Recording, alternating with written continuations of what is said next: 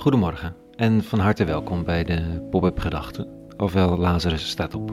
Ik ben Rikke Voorberg en aan het begin van elke werkdag tussen 6 en 7 ochtends schrijf ik een overweging gebaseerd op een fragment uit de drie Bijbellezingen van de dag, zoals die op een oud katholiek Bijbelleesrooster staan. Het is mijn manier om de dag bewust te beginnen en wie weet brengt het je een eigen gedachte. Vandaag met de titel Geven om wat je is gegeven. Pop-up gedachte donderdag 17 september 2020.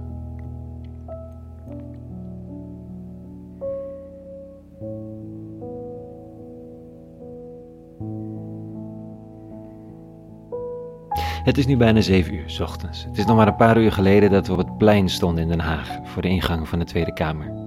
Daar waren de algemene beschouwingen aan de gang. De koers van de verschillende partijen werd toegelicht in een reactie op de begroting, koers, coalitie, nou, van de inhoud hebben we niets meegekregen. We stonden buiten en zongen zo'n bekend Terzeelied onder andere. Dat al op vele wakens werd gezongen als alles duister is. Het was een beetje een vervreemdend gezicht. Tussen de terrasjes, 50 mensen op anderhalf meter afstand, een kaarsje in de handen. Voor hen stond als bijna een soort altaar twee vliegtuigstoelen. Met We gaan ze halen wordt gepleit voor een luchtbrug. Worden stoelen gesponsord die mensen willen dat de luchtbrug nu al op gang komt. Uh, samen huren ze een vliegtuig.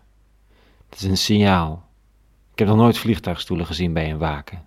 Zeker niet met kaarsjes en we gaan ze halen sjaals eroverheen. Op het Tweede Kamergebouw had iemand een vliegtuig geprojecteerd. Wat een tijdsinvestering, zo'n nacht. Wat een geld ook voor zo'n vliegtuig. Is het niet allemaal zwaar verspillend, zinloos?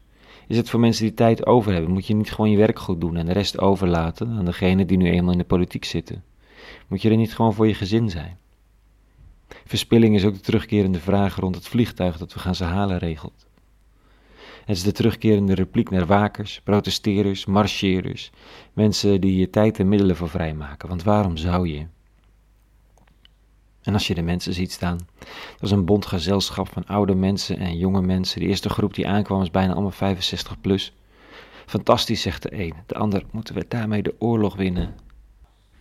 Vandaag lees ik dit. Een vrouw nu die in de stad als een zonderes bekend stond, was te weten gekomen dat Jezus in het huis van de fariseer te gast was. Zij nam een albasten vaasje met balsem en ging schreiend achter hem bij zijn voeten staan. Haar tranen maakten zijn voeten nat, die ze met haar hoofdhaar afdroogde. Zij kuste ze keer op keer en zalfde ze met balsem. Toen de fariseer die hem uitgenodigd had dit zag, zei hij bij zichzelf, als dit een profeet was, zou hij weten wie en wat voor een vrouw het is die hem aanraakt. Het is immers een zondares. Jezus gaf hem ten antwoord, Simon, ik heb u iets te zeggen. Waarop deze zei, zeg het meester. Een geldschieter had twee schuldenaars. De een was een vijfhonderd, de ander vijftig denariën schuldig. Omdat ze die niet konden teruggeven, schold hij ze aan allebei kwijt. Wie van hen zal nu het meest van hem houden? Ook veronderstel, antwoordde Simon, degene aan wie hij het meest heeft kwijtgescholden. Jezus zei tot hem, uw oordeel is juist. Het lef van deze vrouw, om onder het oog van al die aanwezigen naar binnen te stappen en zo'n publiek gebaar te maken. De camera's draaien, bij wijze van spreken. Elk moment kan iedereen haar herinneren aan het label dat ze draagt. En toch is ze daar, bij degene op wie alle ogen gericht zijn. En ze aarzelt niet. Ze huilt, kust de voeten, zalft ze met olie. En natuurlijk komen dan de reacties. Niet alleen naar de vrouw, maar ook naar degene die het toelaat dat ze dichtbij komt, naar de rabbi zelf. Met haar geassocieerd worden is gevaarlijk. Je glijdt zomaar mee in de bodemloze put van publieke afkeuring. Het antwoord is eenvoudig. Zij weet wat hij is kwijtgescholden. Hij ontkent het falen van de vrouw niet, hij verdedigt haar niet, hij stelt alleen dat het haar vergeven is. En dat maakt deze vrouw een dankbaar mens. Punt en enkele politicus kwam vannacht bij de wakers staan. ChristenUnie, Partij voor de Dieren.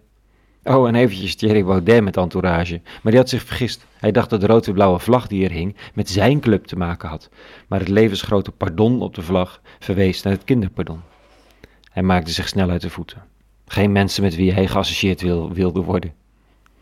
Stieneke bijvoorbeeld, ChristenUnie wel. Het was een uur of één. De wakers stonden al uren en uren buiten. Ze nam het woord en was zichtbaar en hoorbaar ontroerd door het eindeloos herhaald gezongen. Als alles duister is, ontsteken dan een lichtend vuur dat nooit meer dooft. Ze dankte de aanwezigen en toonde dat het geluid gehoord werd in de Kamer en in de fractie. Wie, wil, wie veel gegeven is, geeft veel. Wat van buiten soms aandoet als verspilling van tijd en geld van merkwaardige mensen, is voor de anderen ontroerend oprecht klein gebaar.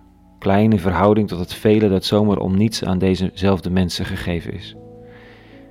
De verspilling is eigenlijk een kleine gift uit de overvloed van leven, in de hoop iets goeds te doen.